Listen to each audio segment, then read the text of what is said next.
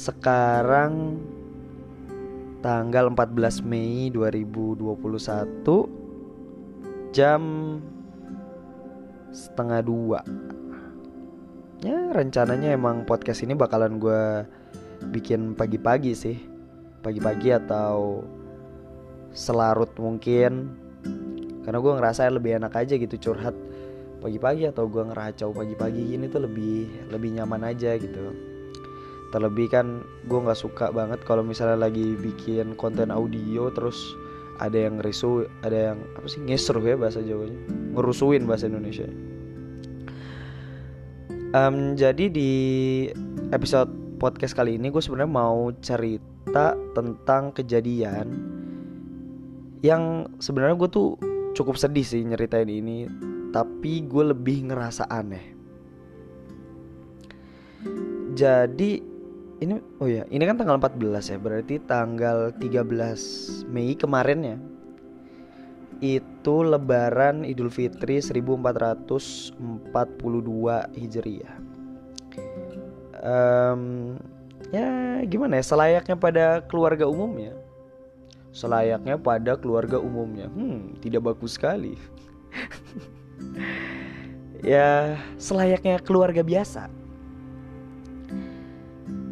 kan apa ya Idul Fitri itu kan kayak momen penantian setelah lu berjuang selama Ramadan. Um, momen penantian untuk ketemuan berbagi sama keluarga lu. Um, ketika lu mungkin bepergian jauh dan lu ngerantau gitu. Kan adalah momen yang ditunggu-tunggu. Untuk bisa berbagi di dalam keluarga lu gitu. Untuk bisa bersilaturahmi kembali dan segala macamnya untuk senang-senang bareng. Aduh sorry gue gak pilek.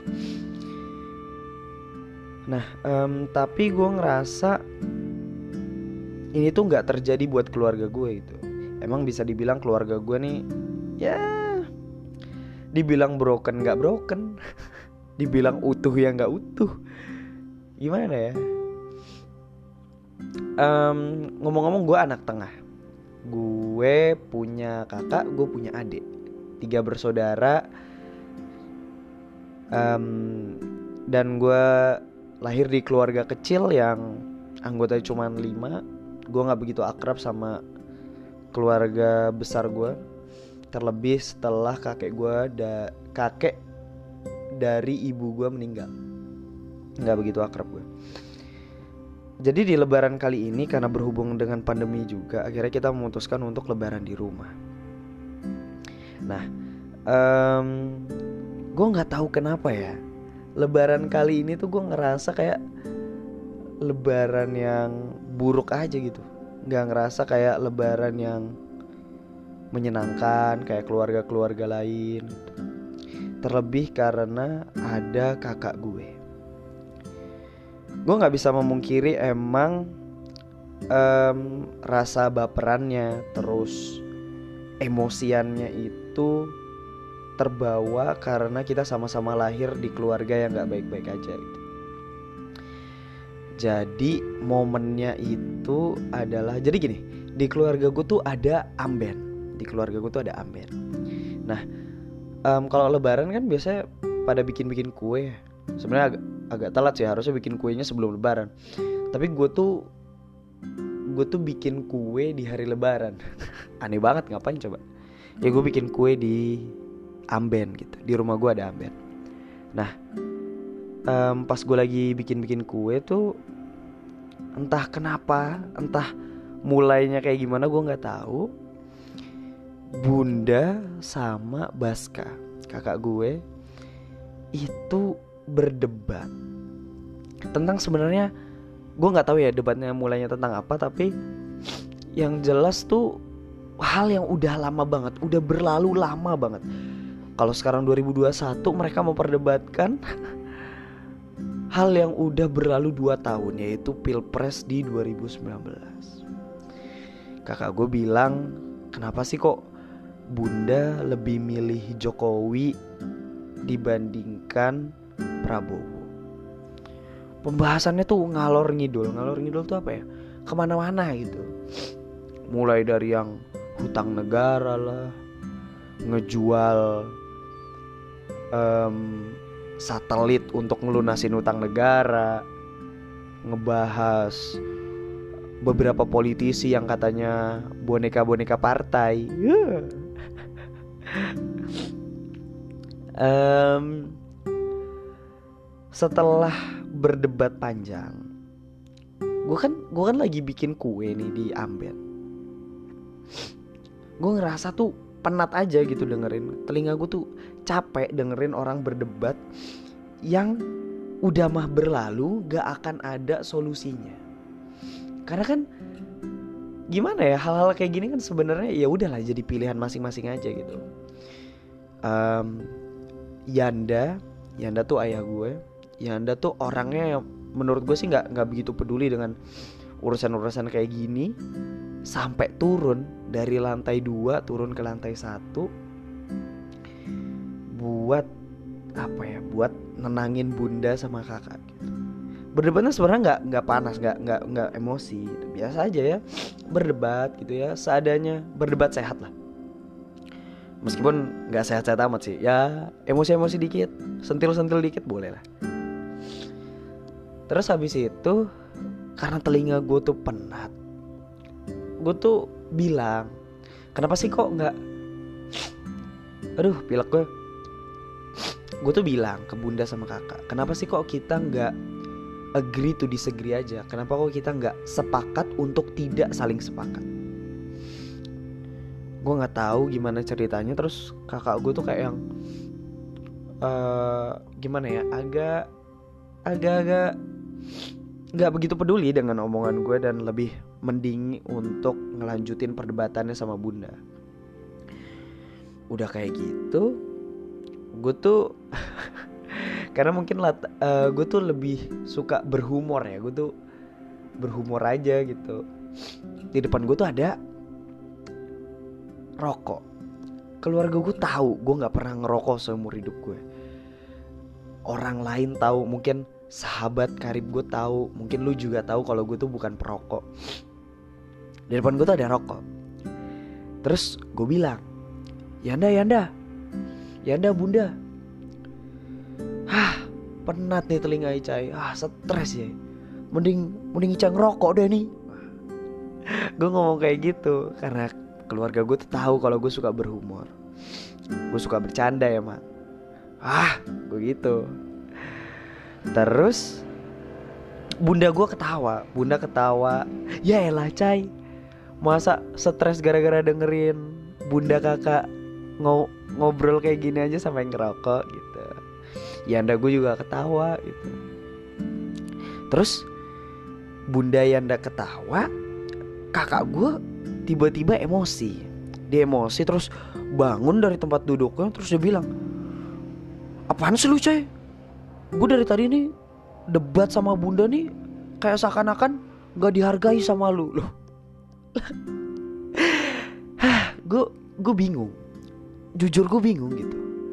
Kenapa kok dia bisa beranggapan gue tidak menghargai argumen dia gue nggak menghargai perdebatan dia gitu? Dari mana? Coba deh lu kalau misalnya lu jadi gue lu telah ah coba kata-kata gue tuh. Kata-kata gue man kata-kata mana yang membuat gue menyinggung dia gitu coba coba. Ini perkatanya telah ah perkatanya. Ah Yanda bunda. Kalau gini doang dengerin kakak sama bunda berdebat Stres sih cai. Mending Icai ngerokok. Misalnya kayak gitu ya. Kata-katanya sih Ya kurang lebih kayak gitu. Gue gue lupa direksinya Tapi seinget gue Gue emang gak nyinggung dia. Gue bilang kayak gitu Terus di mana gitu letak gue menyinggung dia. Emang gue juga agak bingung sih. Dia marah dia berdiri dari tempat duduknya awas lu. Gue bantai lu. Ayo berantem sama gue dia bilang kayak gitu. Gue kaget kan eh, ini orang kenapa gitu. Terus gue bilang ya ya ayo gitu karena gue kan masih ketawa-ketawa aja kan nih gue orang orang bunda sama Yanda ketawa gue pikir ya nggak ada masalah gitu. Terus dia sampai marah gitu bunda yang udah ngeliat respon dia berdiri dari tempat duduknya ikut berdiri gitu buat nenangin dia. Udah wah dia mau mukul gue kan. Terus habis itu bunda ngehalau kakak tuh kayak yang apa ya kayak kayak misalnya lu dipegang orang terus lu berusaha ngelepas sekuat tenaga gitu loh. Terus bunda kayak wah tetap megangin kakak. Terus habis itu um, si Ocha adik gue ikut megangin kakak. Terus dibilang Cak kenapa sih lu megangin gue? Gitu kata, kata kakak gue. Terus si Ocha jawab ya lu harusnya juga nggak gituin bunda dong gitu ngebelain kan um, akhirnya kakak gue marah-marah nggak jelas gue gue ketawa cekikikan aja gitu kan. Kenapa gitu? Salah gue di mana gitu? Akhirnya singkat cerita dia keluar dia ninggalin rumah sambil maki-maki gue awas lu anjing. Segala macam kata-kata buruk yang lu bisa denger mungkin ada di momen itu gitu. Ya gue nggak bisa nyalahin dia kenapa dia tersinggung gitu. Karena emang latar belakang kita beda gitu. Um, sebenarnya kalau dari latar belakang keluarga yang gak baik-baik aja sama ya. Cuma dari latar belakang pertemanan gue beda jauh sama dia juga. Seperti yang ketulis di judul podcast kali ini, gue pingin bahas tentang level dari kekritisan.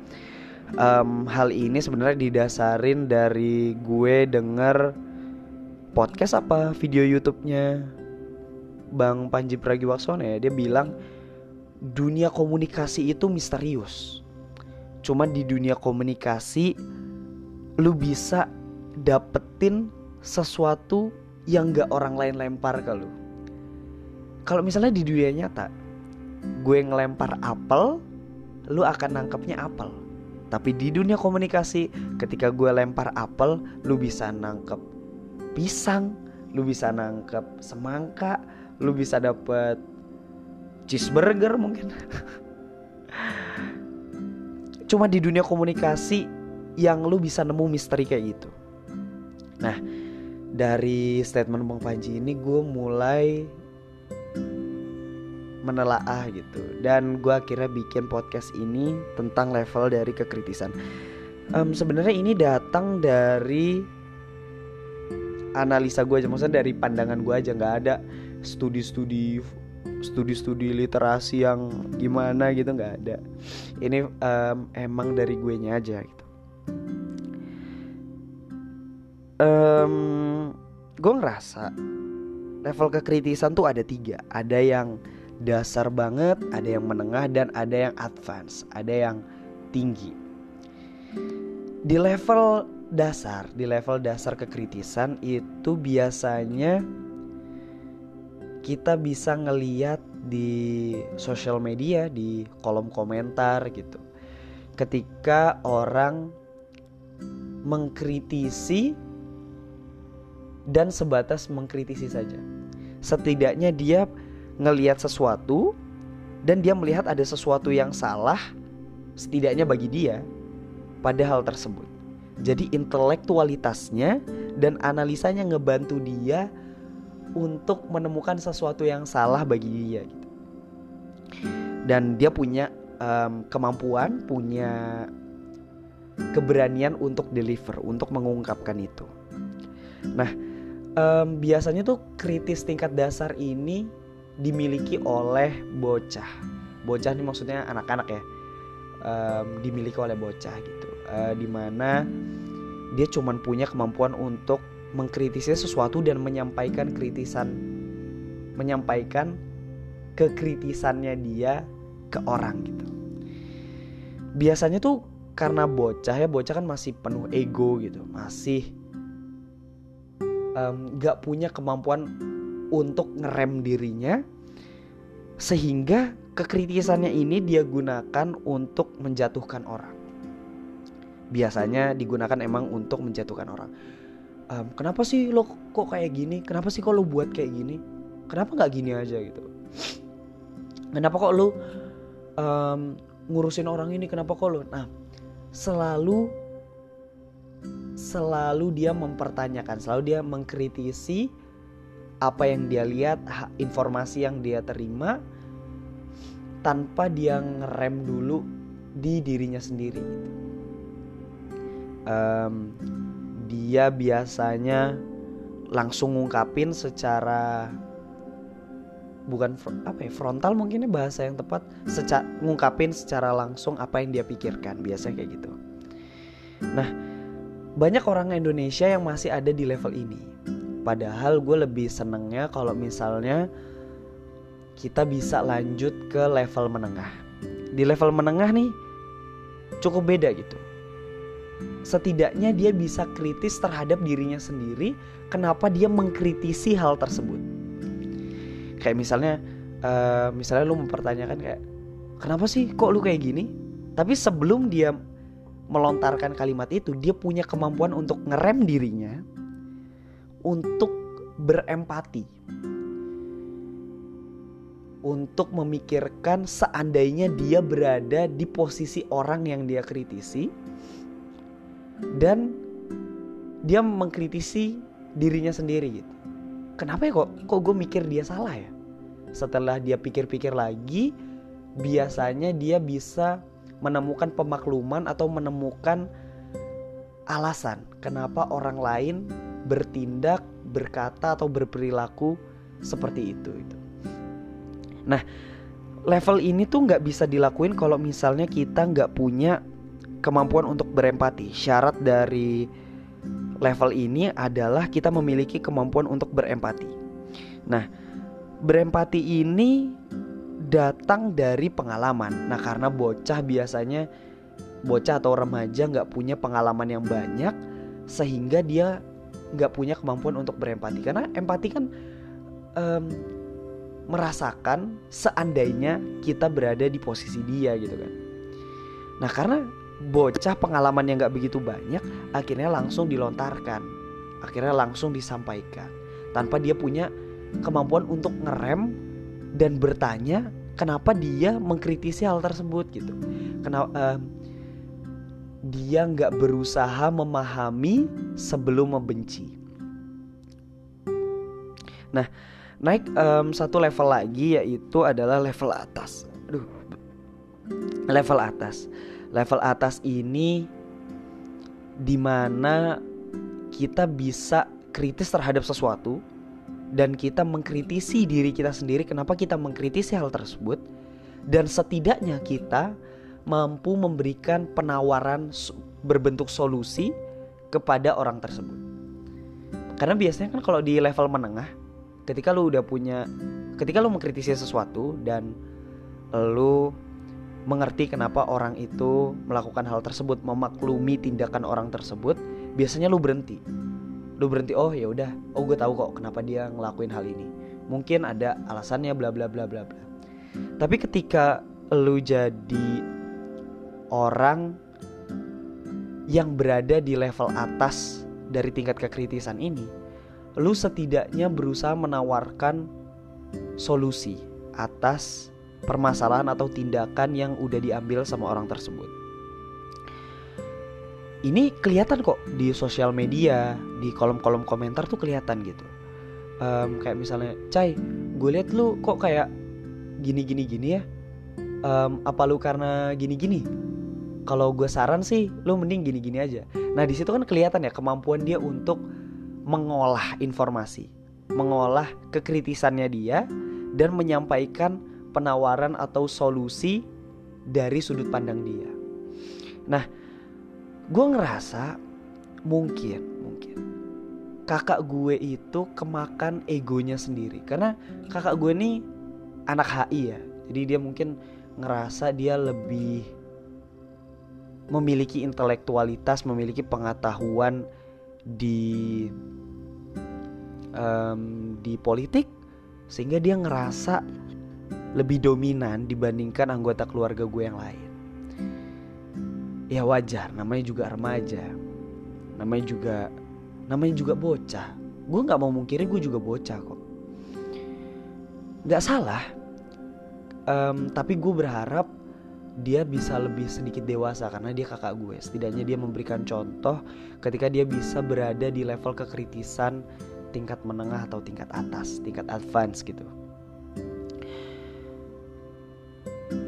dan apa ya menurut gue tuh tingkat kekritisan ini yang akhirnya menjadi itikat baik kita untuk memahami sebelum membenci karena ketika kalau misalnya kita kritis dan kita memahami sebelum kita mau ngebenci orang ujung-ujungnya kita nggak akan jadi membenci. Karena kita paham kenapa orang itu begitu karena kita paham kita memaklumi kenapa dia mengambil tindakan tersebut.